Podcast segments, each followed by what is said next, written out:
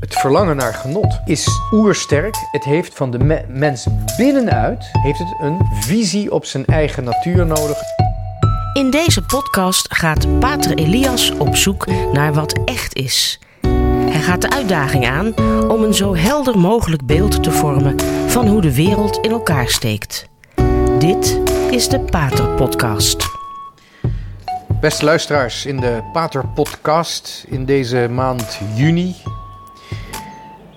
voorafgaand aan het zomerreces, wilde ik wat aandacht besteden aan een aspect van onze samenleving dat eigenlijk vroeger tot de privésfeer behoorde en weliswaar ter sprake kwam in de wijsheid, de morele wijsheid die de kerk door de eeuwen geprobeerd heeft uh, te leren en de mensen te helpen om te beleven, maar die in onze tijd helemaal niet alleen in de politiek, is doorgedrongen, maar zelfs de politiek is gaan beheersen op een hele merkwaardige manier. Datgene wat bij ons zeer intiem is en in principe niet openbaar hoeft te worden, is om vele redenen niet alleen openbaar geworden, maar het lijkt voor sommige mensen ook wel het belangrijkste politieke onderwerp te zijn.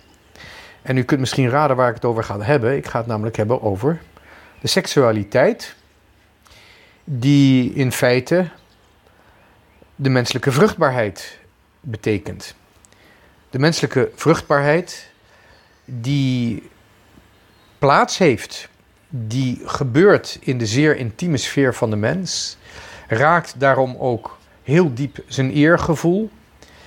En raakt ook heel diep, hoewel dat tegenwoordig ontkend wordt of eigenlijk niet gezien wordt, zijn religieuze gevoel, zijn religieuze ziel, die menselijke vruchtbaarheid, die op alle manieren eigenlijk een menselijk geheim betekent, namelijk de menselijke relatie naar God, het ontstaan van de mens, de schepping van de ziel door God, maar ook de intimiteit tussen twee mensen die uh, een huwelijk hebben besloten, gesloten, die elkaar trouw hebben beloofd. Dat hele intieme leven dat werd beschermd door een moraliteit, een christelijke moraal, die uit het Jodendom voortkomt en binnen het christendom verder ontwikkeld is. Die moraal die overigens ook onze medemensen beschermde. De seksuele moraal van het christendom beschermde niet alleen de mens tegen zijn eigen lusten, maar ook beschermde de mens tegen zichzelf, maar beschermde ook medemensen die slachtoffer zouden kunnen worden van seksuele impulsen onbeheerste, uh, seksuele, ongeordende impulsen van, van de mens, van de mens zelf. Het zit in de mens. Juist die hele moraliteit die door de eeuwen heen is ontwikkeld, is ontkracht, is belachelijk gemaakt, wordt als vijandig gezien van de moderne mens en is langzamerhand volledig afgebroken. En de vraag is, in hoeverre onze samenleving die aanval op de vruchtbaarheid, of eigenlijk je zou bijna kunnen zeggen de totale desintegratie van de menselijke natuurlijke vruchtbaarheid, of onze samenleving, onze cultuur, onze beschaving die desintegratie wel aan kan. Wat zal onze samenleving moeten uh, ja, in de hand nemen? Wat zal onze beschaving uh, moeten kunnen beheersen om die gevolgen van de desintegratie op alle fronten van ons mens zijn, um, om die uh, te overwinnen, om die te compenseren? In feite is onze visie op de menselijke seksualiteit is een soort van substratum, een, een, een fundament voor de manier waarop wij naar onszelf kijken. Het gaat namelijk over onze oorsprong. De manier waarop we kijken naar religie of helemaal geen religie. Dat wil zeggen, wie schept nou eigenlijk de ziel? Of hebben we überhaupt wel de ziel? Die hele visie op de menselijke seksualiteit bepaalt hoe wij naar onszelf kijken, hoe we naar de ander kijken als persoon en hoe we naar de hele samenleving kijken. En veel verder, hoe we naar het hele universum kijken. En um, hoe we naar de onzichtbare realiteit kijken, boven dat universum, verder dan dat universum, ook dieper dan dit universum, dieper dan alles wat we kunnen voelen. De visie op de seksualiteit, die aan alle kanten op vandaag de dag aan het disintegreren is, omdat die visie eigenlijk vol tegenstrijdigheden aan elkaar hangt. Ja, daar in het licht van die visie op de seksualiteit oordeelt de mens zichzelf. En dus is het ook, omdat de mens in staat is om zichzelf te veroordelen en zichzelf te haten, is het ongelooflijk belangrijk om die visie op die seksualiteit uh, ja, te ontwikkelen in het licht van een wijsheid. Van een wijsheid die het hele leven betreft, die de oorsprong, het einde ook, het sterven, de dood, betreft, die het hele universum, de hele natuur, inclusief de menselijke natuur, als het ware een, een um, biologisch groene visie op de mens betreft. Alles, voor alles wat we in ons leven doen, is die visie op de seksualiteit relevant.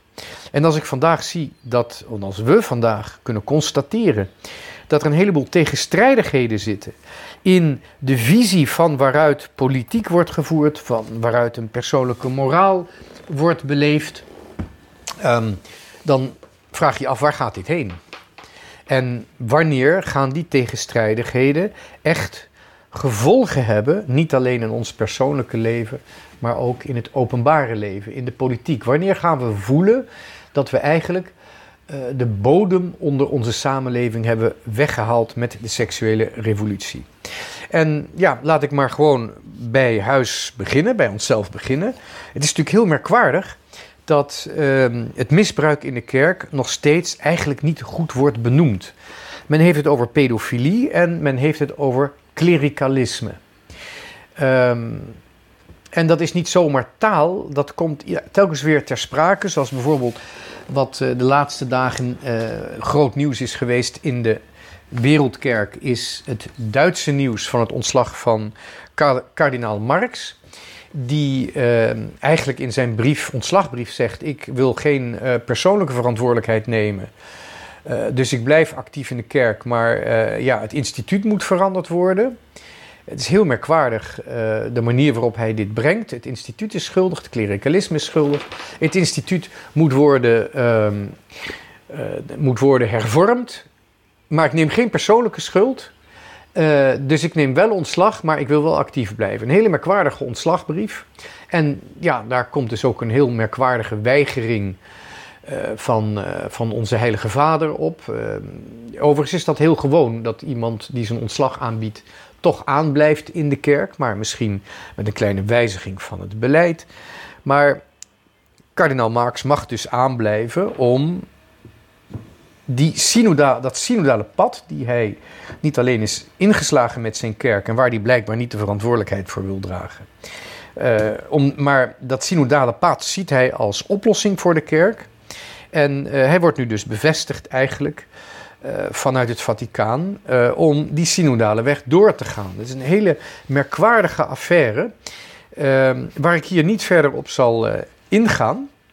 Maar waar ik alleen op wil wijzen dat ook kardinaal Marx het probleem van het misbruik wel noemt, maar het niet echt benoemt. Hij heeft het namelijk over het, het instituut dat schuldig is.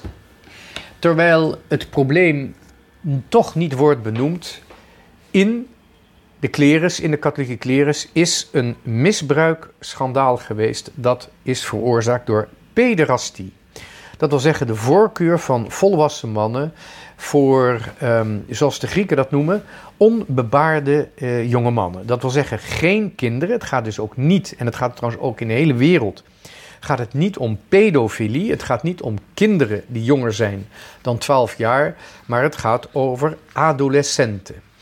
Uh, het is efebofilie. Het gaat over homoseksuele relaties van mensen uit de klerus, dus dat zijn mannen van priesters, met jongens die in de puberteit zijn, met jonge mannen. Daar gaat het hier om. En het is heel vreemd zoals dat niet benoemd wordt.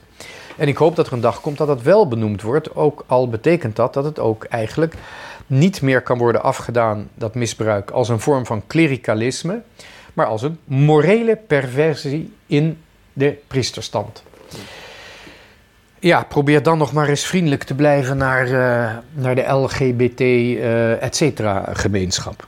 Maar daar gaat het om. En zolang het probleem niet benoemd wordt, kunnen de oorzaken niet worden weggenomen. En zal het dus ook doorgaan. Ook al is het op een andere manier, dat misbruik. Um, waarom ik het even ter sprake breng, is omdat ik um, wel duidelijk wil laten zien dat we het dicht bij huis moeten zoeken, de problemen die er zijn en uh, wat er ook in de maatschappij gebeurt. Maar we moeten toch kijken in hoeverre de kerk deel heeft aan deze hele problematiek rond de vruchtbaarheid. Um, en ook hoe wij een bijdrage kunnen leveren aan de oplossing van, of eigenlijk de voorkoming van die totale disintegratie die in een, in een gewelddadige chaos moet eindigen. Hoe kunnen we dat voorkomen? Welke bijdrage kan de kerk daaraan leveren? Dus um, we moeten het echt ook zien als een, als een, uh, een kerkelijk probleem dat we moeten oplossen. Um, en waar we een, um, ja, een, een, eigen bijdrage moeten leveren om de mens van, hiervan te bevrijden. Ten eerste te bevrijden van misbruik, maar ook te bevrijden van die slavernij van eigen lusten waarin de mens is gevallen. En de slavernij van steeds complexere uh, menselijke relaties, steeds uh, ja, verder um, problematische ontwikkeling van het seksuele leven bij, bij, bij, bij jongeren ook. We zullen daar iets aan moeten doen en iets aan moeten bijdragen. Ook al heb je meer zin om het probleem te ontvluchten, want de kerk zelf staat nu het meest in de schijnwerpers uh, wat betreft misbruik en de, de problemen uh, daaromtrent. Ik weet, in Duitsland is ooit bewezen of aangetoond uit statistiek dat het probleem van het misbruik in de kerk wel speciaal is. Het heeft een bepaald karakter, maar het is niet. Het probleem zelf is niet groter dan in gezinnen en families. Uh, de Duitsers zoeken dat soort dingen altijd in de treuren uit. En inderdaad, in families blijkt er net zoveel uh, misbruik voor te komen. Alleen het heeft dan meer uh, toch een, vaker een heteroseksueel karakter dan in de kerk, waar het homoseksueel is. Overigens heb ik een beetje een hekel aan dat woord homo of hetero. Dan moet je al snel hele andere termen gaan uitvinden om iedereen ergens onder te kunnen brengen. Hoe dan ook, um, de problematiek in de kerk is een probleem van pederastie, maar het is net zo erg als binnen de families. Um, en je kunt je ook, of bij overheidsinstellingen, en je kunt je ook de vraag stellen waarom um, niet ook net zo scrupuleus en, en duidelijk en openbaar er iets aan wordt gedaan om het binnen de families en binnen overheidsinstellingen te voorkomen. Waarom leg ik even de nadruk op de problemen in eigen kerk? Omdat ik deze eerste uh, aflevering hierover wil beginnen met de Anglikaanse kerk. Er zijn eigenlijk twee kanten van die uh, seksuele revolutie die we moeten belichten. Uh, twee christelijke instituties, kerken, die een, een sleutelrol spelen in deze hele problematiek. En als je het nou allemaal op een rijtje zet en natuurlijk daar gaat een heleboel aan vooraf. Maar als ik nou kijk naar de vorige eeuw, de eeuw echt van de seksuele revolutie, dan, um, dan kun je eigenlijk twee, uh, de schijnwerper uh, richten op twee christelijke confessies, namelijk de Anglikaanse kerk en de katholieke kerk.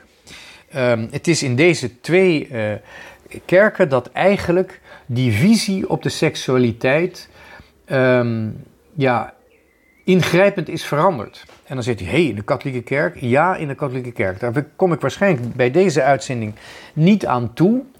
Um, ik ga beginnen met de Anglikaanse kerk en dan ga ik vervolgens naar de katholieke kerk. De seksuele revolutie, zowel als ik kijk naar de allerdiepste oorzaken en als ik kijk naar de oplossing van het probleem, dan kom ik ehm, eigenlijk die Anglikaanse en ook de katholieke kerk tegen. De hele seksuele problematiek, ik zou bijna zeggen, die zou je een Anglo-katholieke of een katholico-Anglikaanse uh, problematiek ehm, kunnen noemen. En ehm, ja, na deze uh, uitzendingen, want het worden dus meerdere, na deze podcasten zult u ook begrijpen waarom. Ook al zou je het probleem ook, of de hele problematiek ook kunnen uitbreiden naar een beschouwing van bijvoorbeeld het Luthers protestantisme en het Calwijnse protestantisme. Dat kunnen we heel kort doen, maar ik wou toch even nu het houden bij de Anglikaanse en de katholieke kerk. En als we nog tijd over hebben, kunnen we ook nog even kijken in hoeverre de, het Calwijnse protestantisme en het Lutherse protestantisme een hele eigen um, problematiek hebben gehad, een hele eigen uh, spanningsveld hebben gehad, dat ons naar deze seksuele revolutie heeft geleid. Waarom de Anglikaanse kerk? Allereerst omdat die Anglikaanse kerk natuurlijk ontstaan is vanuit een hele merkwaardige uh, ja, ontstaansgeschiedenis. Namelijk een, nogal uh, gewelddadige huwelijksproblematiek van Henry VIII. Um, Henry VIII was de tweede zoon. Uh, een beetje een losbol, populaire jongen, veel feestjes, veel vrouwen, uh, veel geld.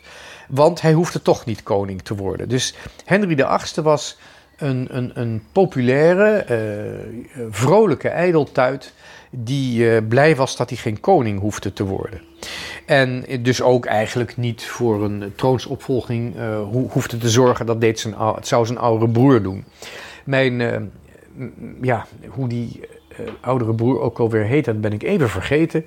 Maar er was een vreselijke ramp van deze Henry de uh, dus in de, in, de, in de 16e eeuw.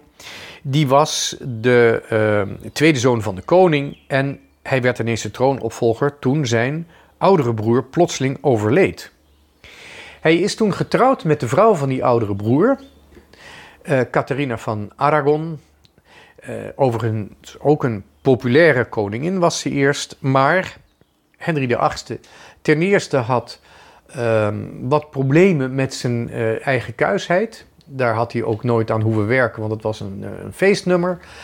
En bovendien, um, ja, het was een beetje een ijdeltuit. En hij kwam natuurlijk eigenlijk onvoorzien, kwam hij ineens op de troon terecht.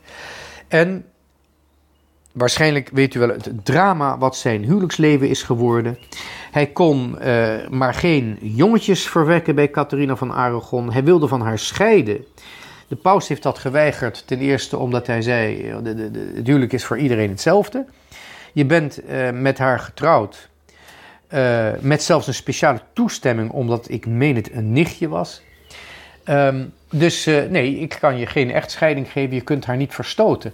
Waarom was Henry de Achtste, uh, wilde hij um, Catharina uh, verstoten? Niet alleen omdat hij een, um, ja, kinderen wilde krijgen, en dat lukte niet goed met Catharina van Aragon, maar ook omdat hij eigenlijk verleid was, of verliefd was, die twee gaan altijd samen, door Anna Boleyn. Een hofdame, natuurlijk wel een nette dame, maar die bovendien eigenlijk koningin wilde worden. En die ja, met haar uh, verleidingen eigenlijk de koning heeft gechanteerd om. Uh, wat is ook een vorm van chantage. Je kunt chanteren met geweld. Je kunt ook chanteren met verleiding, met, uh, met geilheid, zouden we maar zeggen. En uh, zo heeft Anna Boleyn ehm, uiteindelijk inderdaad de kroon in handen gekregen. Catharina van Aragon, daar is de koning Henry VIII van gescheiden. En zij is koningin geworden. En zeer dramatisch, het eerste gevolg van deze echtscheiding, is het feit dat deze Henry VIII zichzelf tot hoofd van de katholieke kerk van Engeland heeft gemaakt. Er was helemaal geen uh, theologische inhoud eigenlijk. Uh, heel merkwaardig geen theologische inhoud. Dus je kunt ook gerust zeggen dat hij zichzelf niet tot stichter van een nieuwe kerk maakt, maar echt tot hoofd van het, van het katholieke geloof van Engeland wilde maken. Het afgeleiden van de theologie, uh, of het veranderen van de geloofsinhoud, laten we het ietsje anders zeggen, dat is pas van latere datum. Het ging eerst om de scheiding en om die scheiding uh, te kunnen uh, voltrekken moest Henry VIII moest, uh, echt scheiden en zichzelf dus als paus verklaren. Henry VIII wordt hoofd van een katholieke kerk van Engeland en langzamerhand krijgt hij genoeg van Anna Boleyn en Anna Boleyn wordt onthoofd. Dus de tweede vrouw van um, Henry VIII wordt onthoofd. Er volgen nog vier anderen. Dus Henry VIII heeft zes vrouwen gehad. En deze man is tegelijkertijd het hoofd van de katholieke kerk van Engeland geweest. Uiteindelijk is die katholieke kerk niet katholiek gebleven. Het is de Anglikaanse kerk geworden. Maar het wezenlijke, de essentie van de afsplitsing is niet de geloofsinhoud. Het gaat over een individu die een echtscheiding wil aangaan. En wanneer Henry VIII oud was geworden, smoorverliefd op een uh, Anna Boleyn, een ontplooide koningin die hem een hele uh, kroost van mooie kindjes had nagelaten. Ik denk dat iedereen het dan door de vingers zou hebben gezien. Hij is dan wel ongeldig getrouwd geweest, maar daarna zou alles weer koek en ei zijn geworden. Een van die mooie kindertjes had hem opgevolgd. En uh, Engeland zou gewoon katholiek zijn gebleven. Vervelend, dat was niet zo. Zo gauw um, Henry VIII uh, zichzelf tot paus heeft gemaakt van een plaatselijke kerk, uh, is er een gigantische diefstal, heeft, diefstal heeft, uh, heeft er plaatsgevonden van kerkelijk eigendom. Kloosters zijn verwoest. En bovendien, ja, het zijn zes vrouwen geworden. ik geloof dat hij er in totaal twee heeft onthoofd. Er zijn er twee uh, vanzelf uh, ziek uh, geworden en dood gegaan. En nou, zoiets. Um, Eén vrouw heeft hem overleefd en Catharina van Aragon is gewoon ergens afgesloten. heeft ze haar leven afgezonderd voort kunnen zetten. Maar en is, is dus in eenzaamheid als verstoten vrouw is ze gestorven. Het is een, um, een heel merkwaardig verhaal, maar het is ook niet zo gek dat in dat Engeland die seksualiteit, het huwelijk en de vruchtbaarheid en het huwelijkstrouw uh, in, zijn, in zijn inzet zijn gebleven. Misschien niet van strijd, maar wel van innerlijke strijd. Van uh, ja, historische ontwikkelingen, van uh, tegenstellingen, ehm, van problematiek. En we zien in 1930 van vorige eeuw zien we een cruciaal moment Wanneer op dat moment, de, in die, in, dus tussen de twee wereldoorlogen, het is niet na oorlogs, nee, het begint na die Eerste Wereldoorlog, waarin de absurditeit van het geweld tot een top, toppunt is gekomen en alle landen van Europa, hoe zelfgenoegzamer ze waren voor de oorlog, hoe dieper ze vallen in een grote identiteitscrisis. En een crisis over wat is nou autoriteit. Als gehoorzaamheid een belangrijke zaak is, um, ja, wie moet je dan gehoorzamen? En iedereen heeft een paar megalomane uh, politici um, uh, gehoorzaamd om zich te laten afslachten. Om Europa in een bloedige uh, chaos te veranderen.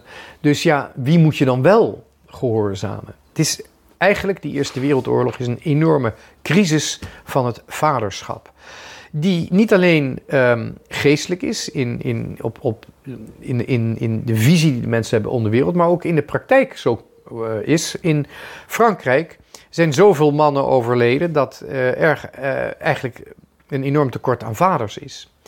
dus Frankrijk, het land waar veel slagen, veldslagen hebben plaatsgevonden, komt in een eh, waar, waar het, het enorm strijdtoneel geweest, uh, Frankrijk, daar komt het tot een enorme uh, crisis, afwezigheid van vaders.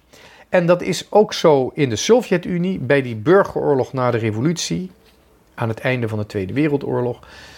Komen, daarin komen zoveel mannen omdat er een enorm mannenkort, mannentekort ontstaat. En als Lenin toegang geeft aan vrouwen om in de mijnen te werken, is dat niet een optimistisch gebaar van ja, feministische sympathie. Dus doodgewoon pure noodzaak. Er zijn geen mannen meer, dus de vrouwen moeten wel de mijnen in. In dat klimaat is er in 1930 de Lambeth Conference.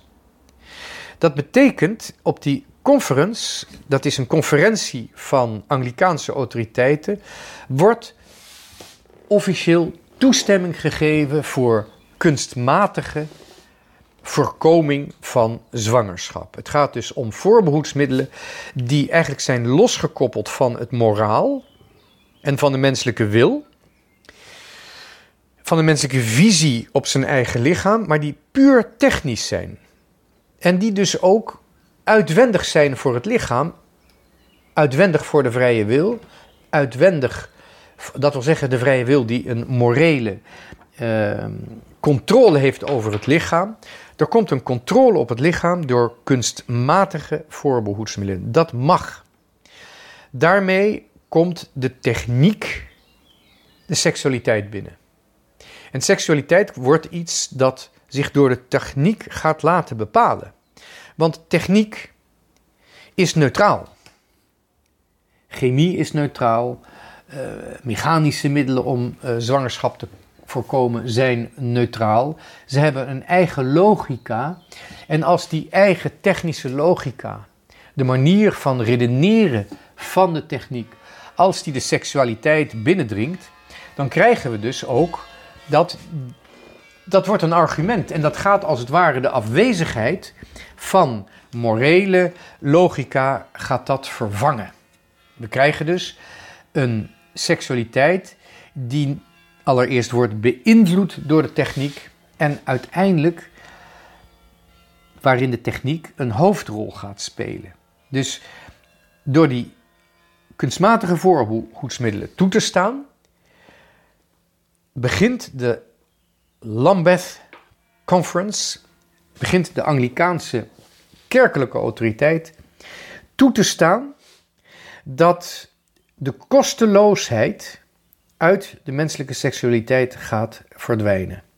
Het wordt een manier van denken die door de techniek wordt bepaald. De vrijheid van deze uh, ontwikkeling is in feite geen vrijheid, het is een stap naar de slavernij. Een slavernij van menselijke lusten.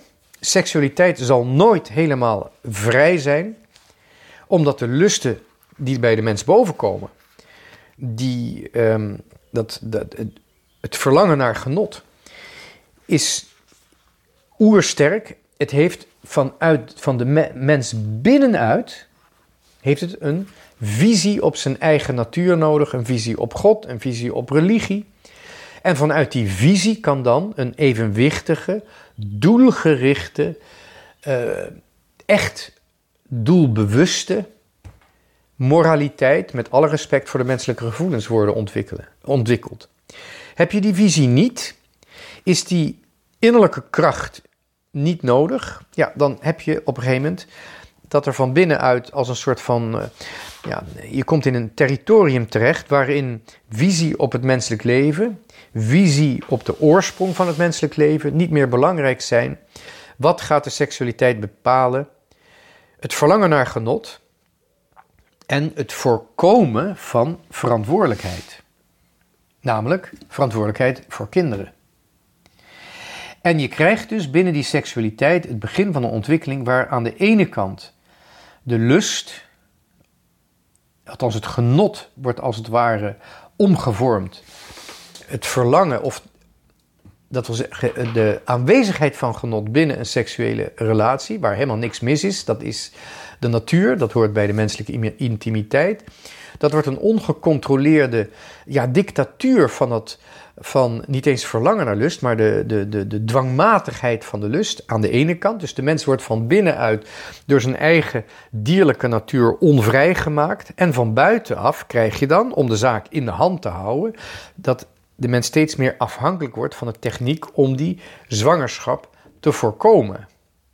En we zien dus dat dat hele merkwaardige huwelijk tussen het dierlijke en het technische, kunstmatige van de mens in de seksualiteit. Die ontwikkeling begint bij die conferentie van de Anglikaanse autoriteiten in Engeland. En stap voor stap gaat de mens afglijden naar een dictatuur waarin kosteloosheid, het leven als manier van God om ons kosteloos te geven, het leven wat wij mogen doorgeven, dat gegeven van de seksualiteit komt volkomen op de achtergrond te liggen. Ik ga hier volgende keer over door in deze Pater podcast in de maand juni van het jaar 2021. Bedankt voor het luisteren. Dit was de Radio Maria Pater podcast met Pater Elias. Deze podcast is online terug te luisteren via de website van Radio Maria en andere podcastplatforms.